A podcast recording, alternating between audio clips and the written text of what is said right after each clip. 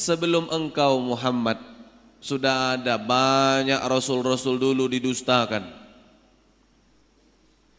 Fasabaru maka mereka semuanya bersabar ala ma kudzibu wa udhu hatta atahum nasruna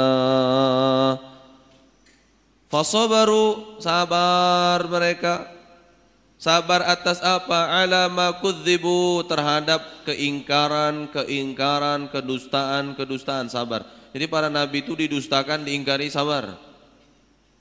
Ya, diganggu sabar. Oke, sampai kapan? Hatta sampai atahum nasruna. Datang pertolongan kami kepada mereka, kata Allah. Siapa yang menolong? Allah. Kalau di dalam ini tafsir Al-Azhar ditulis oleh Profesor Dr. Buya Hamka jilid ketiga halaman 136 lembar sebelah kiri baris agak ke bawah.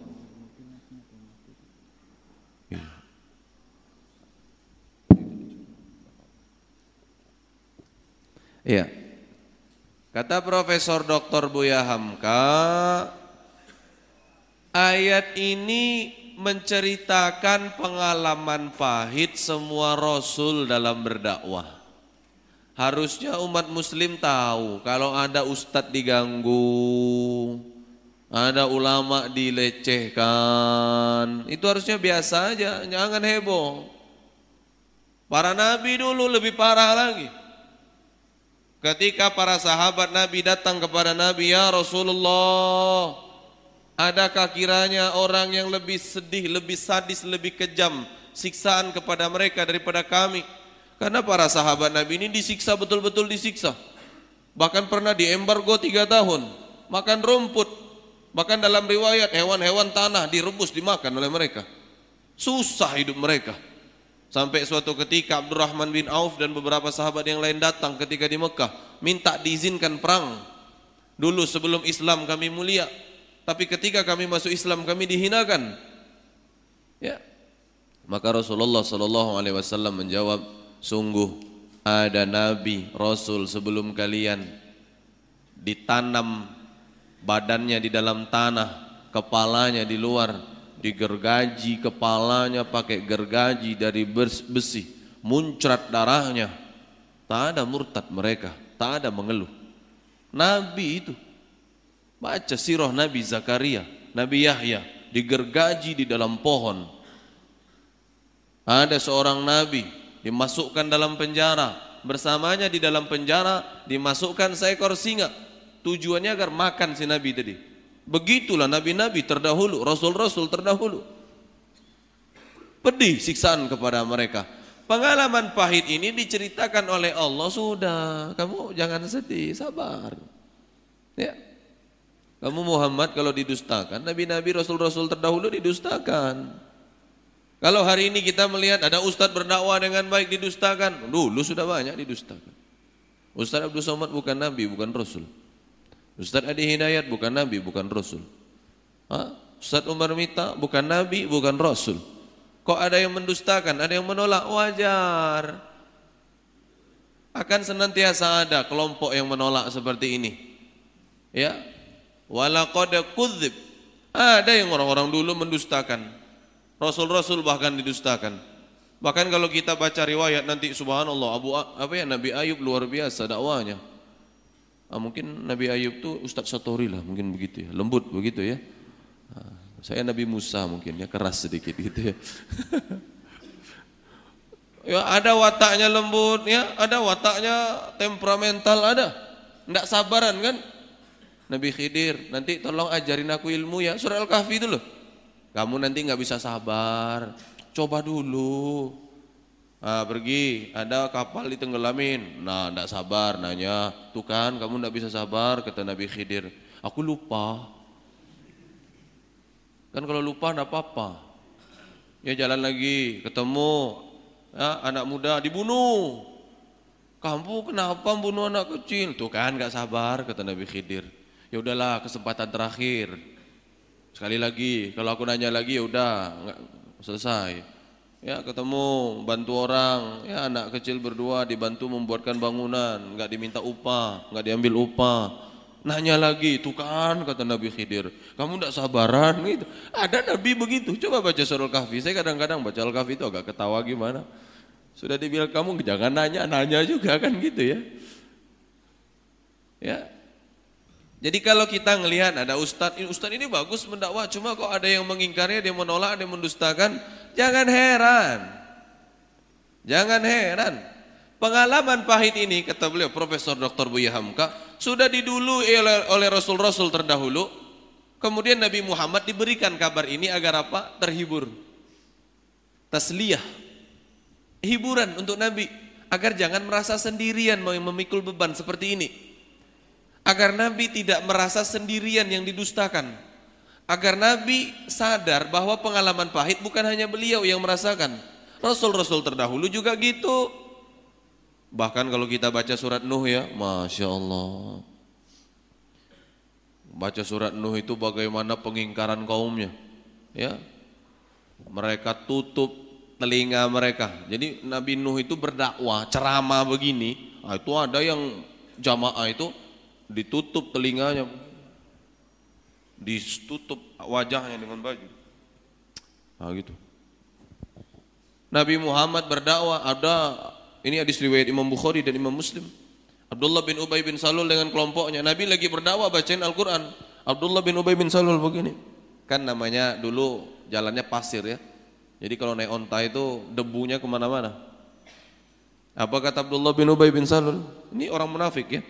Kata Abdullah bin Ubay bin Salul, tolong ya debu kondisikan. Coba. Tidak ada Nabi tersinggung, tetap Nabi berdakwah membacakan Al-Quran. Ketika Nabi membacakan Al-Quran, apa kata Abdullah bin Ubay bin Salul? Tolong ya, jangan bacakan Al-Quran di sini, kami tidak suka. Bacakan Al-Quran tempat lain. Begitu. Maka berdirilah Abdullah bin Rawaha. Abdullah bin Rawaha berkata, tolong bacakan di tempat kami, sesungguhnya kami menyukainya. Munafik itu lebih parah daripada orang kafir. Kita kemarin bahas orang kafir, betul? Bagaimana Abu Jahal salaman sama Nabi. Abu Jahal, Abu Sufyan, ya, Al-Akhnas bin Shuraik, itu mereka diam-diam dengerin Nabi baca Al-Quran. Lah munafik itu Nabi baca Al-Quran gak seneng. Ya, orang kafir di luar sana non muslim itu kalau kita baca Al-Quran agak bagus-bagus sedikit mereka seneng. Bagus. Dengar azan? Bagus. Munafik? Masya Allah. Azan siapa ini kayak kambing terjepit ini? Ah, coba. Ah, munafik. Beda. Ada non muslim, ada munafik. Beda. Dari dulu sudah banyak begitu ketika Nabi didustakan berdakwah. Maka diberilah hiburan kepada Nabi. Eh Muhammad, kau jangan sedih. Kan di atas bikin sedih tuh. Ayat 33 ya kemarin. Nabi bersedih karena dakwah beliau ditolak, beliau diingkari, beliau dituduh berdusta, dituduh berbohong. Ya. Maka kata Allah Subhanahu wa taala, sungguh rasul-rasul terdahulu sebelum kamu Muhammad juga mengalami pengalaman pahit yang sama. Mereka didustakan, mereka diganggu, padahal kalian ini adalah utusanku. Kalau Profesor Dr. Buya Hamka bilang, bukan hanya perasaan para rasul yang di diganggu oleh orang-orang yang menolak dakwah. Di sini bahkan dikatakan mereka juga diberi penderitaan oleh orang-orang yang mendustakan, difitnah, diribah. Tidak saja dituduh berdusta, tapi difitnah. Akhirnya yang tadi dekat dengan jamaahnya begitu ya, tak dekat lagi karena fitnah, tuduhan yang luar biasa. Macam-macam. Beliau Profesor Dr. Buya Hamka Ya, ini di dalam halaman 136. Beliau cerita bagaimana sakitnya dituduh berdusta ketika beliau diinterogasi mau masuk penjara. Ya, kan beliau habis berdakwah pulang, begitu pulang tiba-tiba dijemput oleh polisi dituduh dengan yang tidak-tidak dimasukkan ke dalam penjara. Bacalah ya sejarahnya Profesor Dr. Buya Hamka. Nah, dimasukkan beliau ke penjara tanpa tuduhan. Padahal kata beliau, Bapak Ibu saya nggak enak membacakannya, nanti baca sendiri saja. Beli bukunya. Ulama diakui sebagai pahlawan Indonesia. dipenjarakan dengan tuduhan yang tidak benar, dituduh berdusta. Nauzubillah min zalik. Sakit dituduh itu sakit, didustakan itu sakit, ditolak dalam dakwah itu sakit. Tapi kata Allah Subhanahu wa taala, jangan sedih, jangan galau, jangan resah. Kalau ada ustadz berdakwah ditolak, jangan sedih. Kalau kita melihat ustadz kita ditolak berdakwah, jangan sedih. Jangan. Orang dulu juga gitu, didustakan mereka. Ya, didustakan. Lanjut. Kita Profesor Dr. Buya Hamka, bukan hanya itu saja. Bahkan nabi-nabi terdahulu diusir, disiksa. Kita sudah sebut tadi beberapa siksaan kepada nabi. Ada yang diusir, ada yang diancam, macam-macam gangguan kepada mereka. Wa gangguan. Gangguan ini bentuknya banyak. Ya, banyak sekali bentuk gangguan. Wa udhu diganggu. Bukan hanya mereka didustakan, tapi diganggu juga. Bagaimana biar mereka tidak berdakwah, diancam. Ya, diganggu. Sekarang mohon maaf saya baca tulisan terbaru. Nih kan banyak anak pondok nih ya. Mohon maaf banget, ustadz-ustadz ingatkan.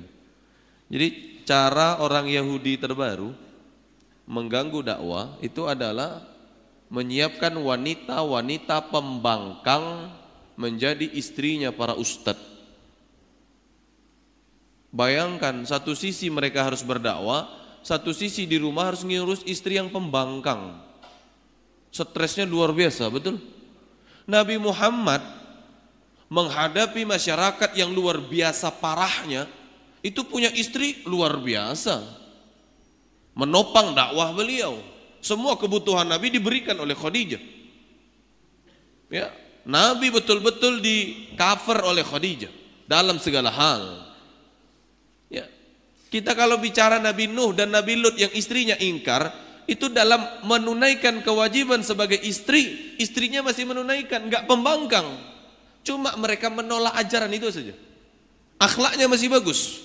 Tapi hari ini saya dapat data terbaru. Jadi orang mohon maaf Yahudi liberal menyiapkan wanita-wanita pembangkang pola pikirnya tidak jelas tapi lagaknya berjilbab besar bahkan bercadar seakan-akan sangat soleha. Mereka ngapain? Agar menjadi istri seorang ustaz. Cantik parasnya, tapi mengganggu dakwah. Ya. Salah tapi tak mau disalahkan. Kan aneh ya kalau ada orang nggak mau disalahkan tuh aneh gitu ya. Gitu loh. Saya ketika baca, oh bahaya. Ini Bapak Ibu yang berbahagia. Jadi apalagi ini kan ada ustadz-ustadz, ada anak santri di sini kan. Ya, kita tidak tahu nih dari santri ini siapa nih yang nanti berdakwah kan. Ini nampaknya aja begini nih tidur-tidur. Santri itu sunnahnya begitu, di mana-mana pondoknya begitu. Ini mending subuh, Jumatan saja hilang kepalanya? Hah. Mau lihat sana itu loh, ha, nampak tuh, ke bawah kepalanya, santri begitulah. Nah, mereka tuh cocoknya kajian sesama santri, ya, nggak tidur biasanya. Nah, ini mereka berlindung lah dapat syafaat dari jamaah yang tidak tertidur kan. itu biasa Bapak Ibu jangan heran ya. Nah, nanti dari mereka ini tak tahu ada yang jadi orang hebat ini. Jangan dikira ini mereka nanti bangun-bangun hafal materi itu. Imam Tirmizi juga itu. Bapak Ibu yang berbahagia. Saya sering isi pondok itu. Enggak ada pondok kemudian mereka bagus bangun enggak ada. Mesti kalau ada subuh kajian itu, ha. Ini kayak kalau difoto dari belakang itu Pak, penampakan kayak ganda kepala semuanya. Ya. Mending itu. Kemarin saya ngisi di Temanggung itu pondok pesantren Zabisa itu. Ada ya Ustadz di sini diundang ya ketika ini wisuda. Itu ini kepalanya ini ke lantai pak. Ah. Itu lenturnya gimana itu? Mungkin anak pondok mungkin ada praktek satu sini simulasi. Bapak Ibu jangan heran, wajar. Mereka kadang, ya namanya anak muda, anak kecil. Kadang bosan di pondok kan. Kalau saya bilang wajar itu. Wong saya dulu di pondok walaupun gak tidur melihat pemandangan yang sama setiap Jumatan. Baru inal udah tidur itu Bapak Ibu ya. Bapak Ibu yang berbahagia. Jadi Nabi dan Rasul terdahulu sudah mengalami itu. Ustadz-ustadz terdahulu sudah didustakan. Bukan hanya didustakan, dituduh, difitnah, dikucilkan, diancam. diusir. Ya. Diusir. Nanti penutup ayat ini luar biasa. Ya. Jadi kalau kita cerita ada ustadz kita, ustadz kita kok begini? Ah, nanti kita bahas. Jadi kalau ada ustadz yang tidak pernah digitukan malah bahaya. Oke? Okay? Kata Allah Subhanahu wa taala, kita lanjutkan. Hatta atahum nasruna Sampai kapan sabar? Sampai datang kepada Allah, sampai datang kepada mereka pertolongan dari Allah. Hatta atahum nasruna. Sampai kata Allah datang kepada kalian pertolongan dari kami. Jadi Allah memberikan pertolongan. Apa bentuk pertolongan? Kemenangan, hijrah ke Madinah. Setelah Madinah hijrah satu tahun setengah perang Badar menang. Perang Uhud awalnya kalah terus menang, begitu ya. Perang-perang perang-perang berikutnya sampai dua per 3 dunia ditaklukkan. Ya. Nanti mulai merosot lagi, naik lagi dinasti Abbasiyah. Merosot lagi, naik lagi dinasti Uthmaniyah. Sebelum Uthmaniyah nanti ada dinasti-dinasti kecil, ada Zangkiyah, ada Ayubiyah, begitu ya. Nah, itu nanti ada sebelum-sebelumnya. Jadi begitulah perjuangan, naik. Makanya Rasulullah Shallallahu Alaihi Wasallam pernah bersabda, wa'lam anna nasrah ma'as sabr. Ketahuilah oleh kalian kata Rasulullah sallallahu alaihi wasallam anna nasrah sesungguhnya pertolongan itu ma'as sabr dengan kesabaran. Kemenangan itu hanya akan kita dapatkan, pertolongan dari Allah itu hanya akan kita dapatkan kalau kita sabar. Sabar menjadi jamaah. Ustadznya kadang enak, kadang tidak, betul kan? Kadang materinya bisa dipahami, kadang tidak. Ya, di dalam kitab Mukhtasar Minhajul Qasidin tulis oleh Imam Ibnu Qudamah Al-Maqdisi Al-Hambali kata beliau seyogyanya seorang penuntut ilmu itu sabar kepada ustadznya kenapa? pada gurunya kadang-kadang ustadz itu menyampaikan materi tidak seenak biasanya kadang-kadang kita bandingin ustadz yang ngajar di pondok sama ustadz Abdul Somad beda ya tidak atraktif mungkin begitu ya ini ada ustadz di sini. Saya mondok alhamdulillah lima tahun ya. Wah itu masya Allah. Kok kayaknya kalau nggak ada yang tidur itu kayaknya itu sebuah mukjizat begitu ya. Bukan karoma, mukjizat begitu ya. Benar. Luar biasa. Itu kayak semacam sebuah virus yang lebih parah daripada corona. Itu ya. Kalau corona cuma di Cina, kalau virus itu sudah di semua pondok pesantren. Saya ke mana aja ngisi di pondok itu. Kayaknya udah keliling Indonesia begitu ya. Sama penyakitnya. Kemarin ke Thailand ngobrol sama orang-orang di Pattaya tentang orang mondok di Fatani. Kita itu kalau di Indonesia mondok itu banyak yang tidur sama. Oh sama. Satu rumpun Melayu begitu ya. ya. Sama rupanya kita ini. Masya Allah gitu ya. Bapak Ibu yang berbahagia. Jadi tidak bisa disamakan.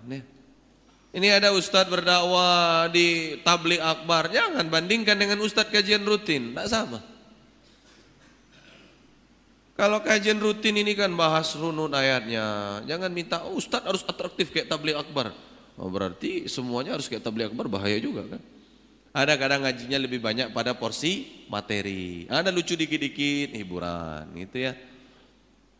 Karena apa? Karena kita membutuhkan materi juga.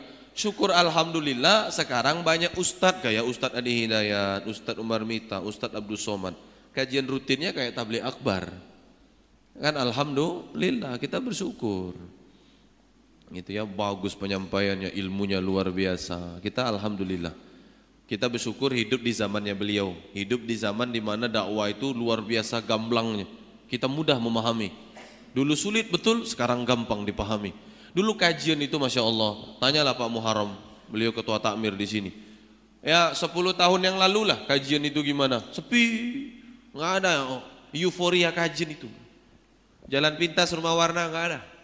MNA belum ada betul ya? Kayaknya MNA itu kan yang mengurus dakwah di Nurul Asri sore-sore, yang belum ada itu. Ya ngaji itu ya ngaji biasa sedikit begitu ya. Sekarang Alhamdulillah dengan pertolongan Allah di akhir zaman, Masya Allah. Makanya ketika kita melihat, saya tuh panas hati sebenarnya.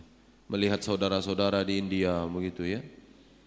Panas sebenarnya, cuma mau bikin status tunggu dulu, sabar dulu, sabar dulu. Takutnya status ini nggak tepat sasaran. Takutnya status malah tidak baik kan begitu ya. Karena emosi, membuncak emosi kan. Melihat saudara-saudara seperti itu, Masya Allah. Ada 180 juta orang muslim di India. Luar biasa. Ada 180 juta muslim di, di India. Hari ini ya kita yang bisa kita lakukan itu berdoa. Kita doakan. Ya. Tapi ketika kita melihat apa yang dialami oleh saudara-saudara kita di sana diusir, diintimidasi, mereka disiksa.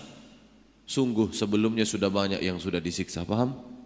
Kita jangan kayak orang mohon maaf yang gelagapan, orang orang anu loh, dikit, ha, ha, jangan kayak gitu, paham ya?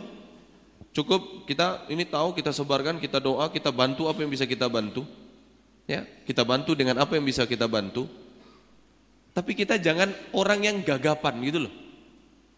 Jangan orang yang latah. Ya, kalau kita melihat penyiksaan Palestina itu dari dulu seperti itu. Tugas kita, kalau kita hanya bisa bantu doa, bantu doa. Tugas kita, kalau bisa membantukan dana, bantu dana. Tugas kita kalau mampu membelikan sebuah benua, benua muslim semua di sana, belikan benua. Begitu ya. Pindah semua muslim ke sana. Keren juga mungkin itu ya. Besok benuanya ada Eropa, ada Amerika, ada benua Afrika, ada benua Asia, ada benua Australia, ada benua muslim. Mantap kan. Di sana menutup aurat semuanya. Sistemnya Islam, mantap juga itu. Ya, kalau mampu, cuma mesti tidak mampu. Orang kita beli pulau aja tidak mampu kan begitu ya. Apa yang kita mampu doa, bantu doa. Kita bantu ada sumbangan membantu ke sana mereka di tempat pengungsian misalkan bantu dana. Doa terus. Sebarkanlah yang baik, jangan memprovokasi yang negatif. Oke ya. Jihad, sabar. Saya punya ustadz di pondok pesantren. Ya, ketika terjadi kerusuhan di Rohingya, di Palestina awalnya, di Suria, banyak para santri berteriak, jihad, perang, kumandangkan jihad. Kan banyak status sekarang begitu itu. Perang kita, berangkat kita ke sana, kita bantu saudara kita berperang. Apa kata ustadz saya? Emang kamu keluar dari Indonesia ini terus kalau izin perang diizinkan begitu? Terus kamu pergi ke Palestina, Suria, terus kamu paspornya mau ke mana? Ke Suria ngapain perang? Terus kamu dikasih izin gitu? Ustadz saya bilang begitu. Terus kamu paspornya mau ke mana? Rohingya, Myanmar. Ngapain membantu saudara-saudara saya yang terzolim mau, mau berperang? Terus kamu dikasih izin gitu? Enggak kan kata beliau. Terus apa? Kamu jangan memprovokasi orang yang tidak-tidak. Saya mohon maaf ya, Ketika scroll status teman-teman itu mereka buat posting foto atau video tentang saudara-saudara di India, itu masya Allah perang, jihad, wajib atas kita berperang. Mari kita ke India, bantu saudara kita berperang. Nanti takutnya datang ke sana ngerusuhin aja kan? Megang senapang nggak bisa, senapang nggak punya. Hah? Datang ke sana ditembak kakinya, ah sudah. Belum tentu kita kuat mentalnya, betul kan? Semangat boleh, tapi ukur dulu kemampuan. Kita ini hari ini hidup di dunia yang punya batas teritorial. Mau keluar mau masuk ada aturan sekarang, lama. Ya. Jadi jangan gagapan, jangan orangnya dikit-dikit, jangan latah kita itu. Saya ngelihat status teman-teman itu mas, kita marah iya, Cuma marahlah yang bijaksana. Jangan memprovokasi yang tidak tidak. Saya makanya baca statement Muhammadiyah jangan terprovokasi. Betul saudara kita terzolimi. Tapi tolong jangan terprovokasi. Jangan ada pikiran kalau mereka orang Hindu di India menjadikan saudara kita seperti itu, kita juga bisa karena kita mayoritas. Jangan. Islam tidak seperti itu. Islam menghukumi orang yang salah. Paham ya? Bukan berarti semua orang yang aliran itu dihukum gara-gara satu orang berbuat begitu, lima orang, seratus orang, seribu orang begitu enggak. Ya, kita Muslim tidak seperti itu. Jadi di Indonesia tolong jangan memprovokasi yang macam-macam. Ya, karena apa kata Allah Subhanahu wa taala? Walaqad kudzibat rusulum min qablik. Kalau ada didustakan, bahkan kata Profesor Dr. Buya Hamka, bukan hanya jiwanya yang disakiti, bukan hanya didustakan, wa udhu. Nabi Rasul terdahulu juga disiksa, diganggu, diancam, diintimidasi, diusir. Sudah ada dari dulu seperti itu. Fasobaru maka mereka sabar, tabah, tahan menahan diri, tidak melakukan hal yang terlarang, tidak mengeluh, sabar. Inilah mereka kata Profesor Dr. Buya Hamka. Ya. Maka Allah melanjutkan wala mubaddila likalimatillah Kalau Profesor Dr. Buya Hamka menjelaskan wala mubaddila likalimatillah mereka tidak akan mampu dengan kedustaan mereka, gangguan mereka, mereka tidak akan mampu merubah ajaran Allah, jalan yang telah Allah tetapkan tidak akan mampu. Wala mubaddi mubaddila li kalimatillah. Tidak akan mampu kata Allah. Walaqad ja'aka min naba'il mursalin. Sungguh Muhammad sudah datang kepadamu kisah-kisah besar tentang umat-umat terdahulu. Jadi jangan bersedih hati lagi. Jangan tiba-tiba galau, resah. Jangan tiba-tiba marah tak karuan. Jangan. Ini kata Allah Subhanahu wa taala. Kenapa? Itu sudah terjadi berulang kali. Rasul didustakan, diancam, diusir sudah terjadi berulang kali. Ustadz didustakan, diancam, diusir sudah terjadi berulang kali. Muslim beriman kepada Allah diancam, di, ya mereka difitnah, mereka diusir, disiksa bahkan dibunuh sudah terjadi berulang kali. Kita lihat kisah pada masa Nabi, Sumayyah, istrinya Yasir, ibu dari Amar. Mohon maaf, Sumayyah itu ya kalau kita hidup di zaman beliau kok ada mungkin mohon maaf handphone, smartphone itu udah viral itu. Berapa zolimnya Abu Jahal, Abu Lahab ketika itu dan yang lain-lainnya. Itu Sumayyah itu seorang perempuan dalam riwayat karena dia ini seorang budak. Dia beriman kepada Allah melalui Rasulullah. Sama tuan yang enggak diterima keimanannya, disiksa. Tahap terakhir penyiksaannya apa? Ini tangan diikat, kaki diikat. Ya, saya baca riwayat itu. Jadi tombak itu, tombak itu, ya, tombak itu. Jadi kalau begini kan. Di ini di di tanah ditelentangkan diikat. Ya. Perempuan loh ini. Itu dari ujung di tanah pasir itu gini. Beriman kamu ke Lata, Uzza, mana? Kata mereka. Enggak. Tinggalkan Allah, Tuhannya Muhammad. Enggak. Ini sampai mohon maaf dalam satu riwayat ini tombak ditombak melalui kemaluan satu lagi dan melewati perut tembus ya. Ayat ini nggak tahu tapi luar biasa. Saya merenung. Pas ketika saudara-saudara kita di India seperti ini diperlakukan. Emosi kita marah. Tapi jangan kemudian kita memprovokasi yang tidak baik. Ketika peristiwa ini terjadi, apa yang dilakukan oleh Rasulullah? Enggak ada. Halal darah mereka, perang, tak ada. Kata Nabi sabar. Sampai Yasir itu ketika disiksa berkata, "Ya Rasulullah, sampai kapan kami disiksa begini?" Ya. Yasir itu kan satu keluarga itu kan mereka disiksa. Nabi lewat, lewat Nabi. Ya Rasulullah, sampai kapan kami disiksa seperti ini ya Rasulullah? Maka Rasulullah sallallahu alaihi wasallam bersabda, Isbiru sabar. Sabar. Fa inna mau'idakumul jannah. Sungguh Allah sudah menyiapkan untuk kalian sekeluarga itu surga. Allah sudah siapkan untuk kalian sekeluarga surga, kata Rasulullah. Mendengar itu tenanglah mereka. Tenang. Padahal istrinya barusan disiksa seperti itu pedihnya. Dilihat oleh suaminya, anaknya. Mentalnya tetap kuat, luar biasa kan. Makanya mental orang-orang yang menang itu bukan mental orang yang latah. Orang latah itu kan begitu.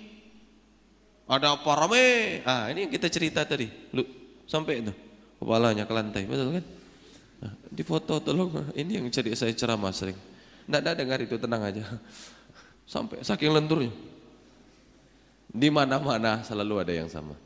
Jadi jangan bilang, oh ini pondoknya nggak bagus. Bukan, pondok itu begitu. Kenapa? Mungkin itu semacam sunnahnya begitu ya. Yang kalau ditinggalkan kurang afdol. Tidak ada masalah. Ya. Kita terus mengaji. Jangan latah. Pernah kita di Nurul Asri ini bahas kajian judulnya ya latah akhirnya hilang arah. Jangan latah kita. Ketika keluar dari mulut kita kata-kata yang tak baik, dapat video dari Instagram, dari Twitter, dari YouTube, dari Facebook, dikirim lewat WhatsApp, datang tulisan-tulisan yang macam-macam, kemudian langsung kita sebar, tak ada klarifikasi, tidak kita tunggu para senior guru-guru berkomentar. Ingat hadis Nabi riwayat Imam Muslim. Nomor 5 dan nomor 6. Apa kata Nabi? Ya, kafa bil mar'i kadziban ayyuhadditsa bikulli sami'ah. Cukup seseorang itu disebut pendusta ketika dia mengatakan, menyampaikan, menyebarkan apa yang baru didapat tanpa klarifikasi. Hati-hati, ini era di mana informasi tersebar begitu cepat, betul? Klarifikasi dulu, tunggu, sabar. Jangan komentar yang macam-macam dulu. Hah? Ini zaman di mana informasi tersebarnya itu luar biasa. Belum ada rilis di media tentang bagaimana umroh dibekukan visanya. Di WhatsApp itu sudah seliweran datanya, betul kan? Sabar. Ya, saya khutbah Jumat kemarin juga sampaikan, sabar. Ada musibah di SMP Negeri Satu Turi. uh, apa namanya itu susur sungai gitu ya. Tiga orang pembinanya, itu guru, sudah senior, sudah sepuh, ditetapkan sebagai tersangka. Ya, ditetapkan sebagai tersangka, kemudian digunduli. Rame di media sosial. Fotonya dibandingkan. Di atas foto koruptor, di bawah foto guru yang digundulkan. Ini apa-apaan? Klarifikasi dulu, jangan komentar. Karena ketika Anda komentar kata Nabi, Kafa bil mar'i kadziban. Pendusta dia ini. Jangan komentar, klarifikasi dulu. Tanya sama polisi. Kenapa kalau koruptor itu dimasukkan penjara nggak ada yang digunduli? Kenapa kalau penjahat, pencuri, perampok, pezina itu kalau masuk penjara bahkan ada guru itu digunduli? Tanya dulu. Kalau kita lihat sel berbeda, tanya memang berbeda cara menghakimi letak selnya itu beda nggak digabung sama orang umum. Sel tempat orang umum satu sel itu bisa masuk 37 sampai 47 orang. Tapi untuk pejabat, untuk orang-orang yang pernah berjuang di kepemerintahan, kok mereka masuk penjara, itu selnya memang dibedakan. Ada peraturannya begitu, itu contoh sederhana. Klarifikasi dulu, jangan rame, latah, ikut-ikutan komentar, ikut-ikutan nyebar. Sabar. Nih loh kata Profesor Dr. Buya Hamka, tahan. Tahan diri nggak komentar dulu. Tahan diri nggak nyebar yang macam-macam dulu. Ya. Langsung. Ini kan gurunya juga nggak salah, sungainya aman-aman saja. Ini kan tidak ada masalah. Ini rilis media. Bacalah berita secara lengkap. Saya dengar BMKG bilang sudah diperingatkan. Ini awan yang membawa hujan ini sudah dekat. Perkiraan satu jam lagi, dua jam lagi ini bakal terjadi hujan lebat. Artinya di hulu sungai sudah hujan. BMKG sudah memperingatkan. Artinya kita semua informasi kita rangkum, siapa yang salah, baru jelas. Jangan tiba-tiba komentar saja. Saya tidak bilang gurunya salah, saya tidak bilang muridnya salah, saya tidak bilang BMKG salah. Betul ini musibah. Ada orang komentar, kan kalau bukan eh, ya dari Allah juga tidak terjadi. Tidak boleh nyalain takdir. Kita tetap memperhatikan hal-hal tertentu. Nanti orang naik motor nggak pakai helm loh. Kalau Allah bilang nggak kecelakaan kan nggak kecelakaan kan begitu loh. Logikanya kan begitu. Ya, banyak yang komentar kemudian, Tat, itu kan kalau dia ini, kalau dia memang bukan musibah dari Allah, itu kan azab musibah dari Allah, Tat. Masa gurunya yang disalahin? Nanti anak orang diperkosa, pemerkosa bilang, ini sudah takdir Allah kamu diperkosa. Logikanya tolong yang bagus sedikit gitu loh. Kan sederhana kan? Banyak orang bilang, ini musibah dari Allah, Tat. Kalau Allah bilang ini tidak musibah, tidak terjadi. Saya bilang, kalau anak anda diperkosa, Terus pemerkosa bilang ini musibah dari Allah. Jangan salahkan saya. Allah menakdirkan begini. Tidak mungkin saya memperkosa tanpa izin Allah. Bahaya kan? Bahaya. Logika yang sehat. Belajar agama dulu biar logikanya sehat.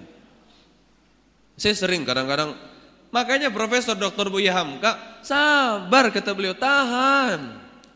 Jangan latah. Jam berapa? 37. Suruk. Oh, masih alhamdulillah. Salah ya? Itu salah Pak ya? It, terus suruknya berapa? 45 Bapak, ada yang tahu Pak?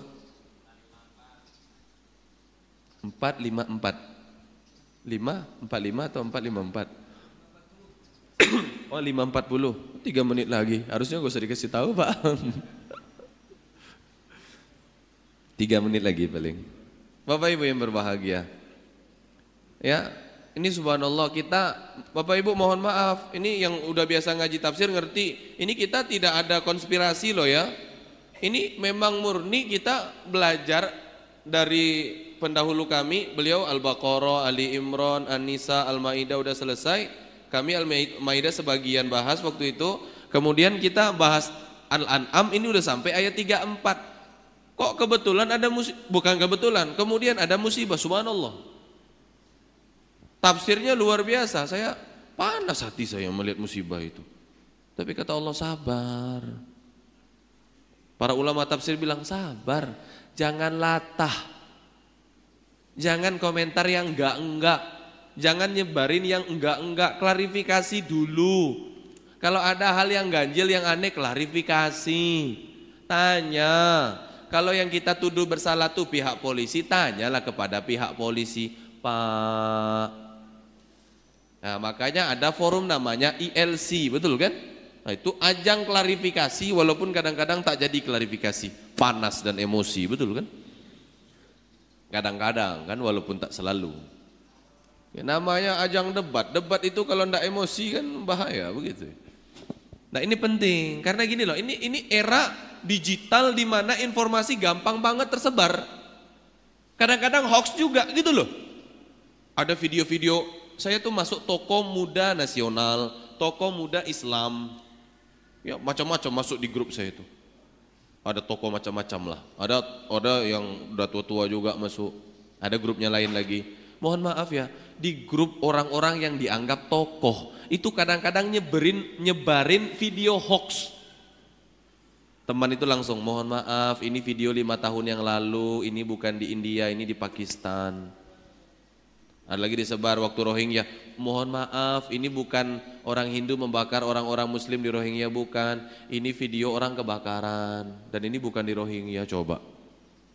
Ketika ada mohon maaf ya gambar sebuah halte bus berlambang sebuah ajaran dan pahaman yang dilarang di Indonesia itu disebar di grupnya kita langsung ada mohon maaf ini vid, anu fotonya hoax ini foto yang benar diedit ini fotonya.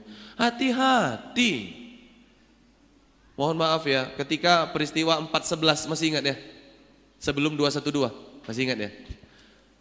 Saya dikirimin chat WhatsApp dari salah seorang terpandang terkemuka. Saya nggak sebut beliau ini ustadz atau pejabat saya nggak sebut. Chat itu udah hilang sekarang.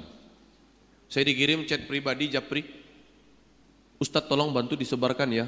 Kami dapat informasi dari orang pertama terpercaya, kredibel bahwa Jokowi akan mengadakan uh, demo tandingan untuk 411 akan menggerakkan semua santri NU begitu bunyi akan menggerakkan semua bla bla bla bla bla semua digerakkan nanti akan ada demo besar-besaran menandingi 411 Tolong disampaikan bla bla bla bla. Itu masya Allah. Itu kalau percaya bahaya kan?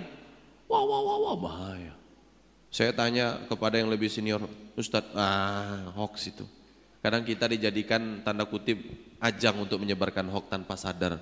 Lah kan Ustadz kalau punya grup WhatsApp dengan jamaah, jamaah percaya, betul kan? Bahaya sekarang. Makanya apa-apa tuh klarifikasi dulu. Kalau jelas ada saudara kita mendapatkan siksaan sabar, kita tolonglah apa yang bisa kita lakukan.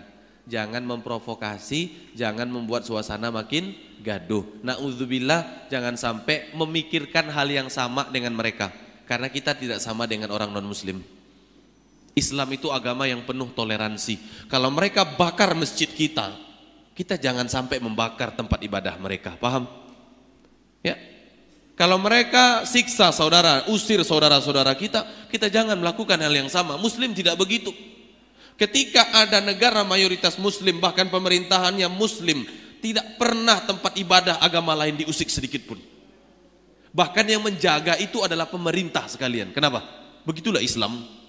Ingat ketika Umar bin Khattab tahun 33 Hijriah dalam sebuah riwayat 30 Hijriah menaklukkan Yerusalem. Apa kata Umar bin Khattab?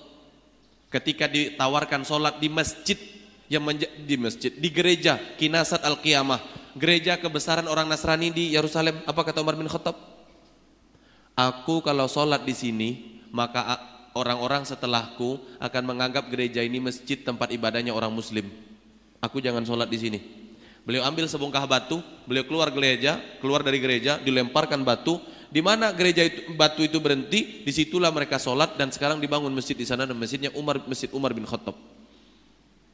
Ya, Masjid Umar bin Khattab. Inilah toleransinya Islam. Sebelum pergi meninggalkan Yerusalem, apa kata Umar bin Khattab? Siapa yang mengusik ya mereka yang bukan Islam, apa pun agamanya, Nasrani dan segala macamnya akan berhadapan denganku kata Umar bin Khattab. Coba. Kok terpikir karena di sana mayoritasnya Hindu, kemudian mereka mengusir saudara-saudara kita. Kok terpikir kita melakukan hal yang sama, apalagi komentar, ini bukan Islam. Walaupun dia atributnya Islam, ini bukan cara berpikir Islam. Orang Islam tak seperti itu. Harusnya dia seperti apa?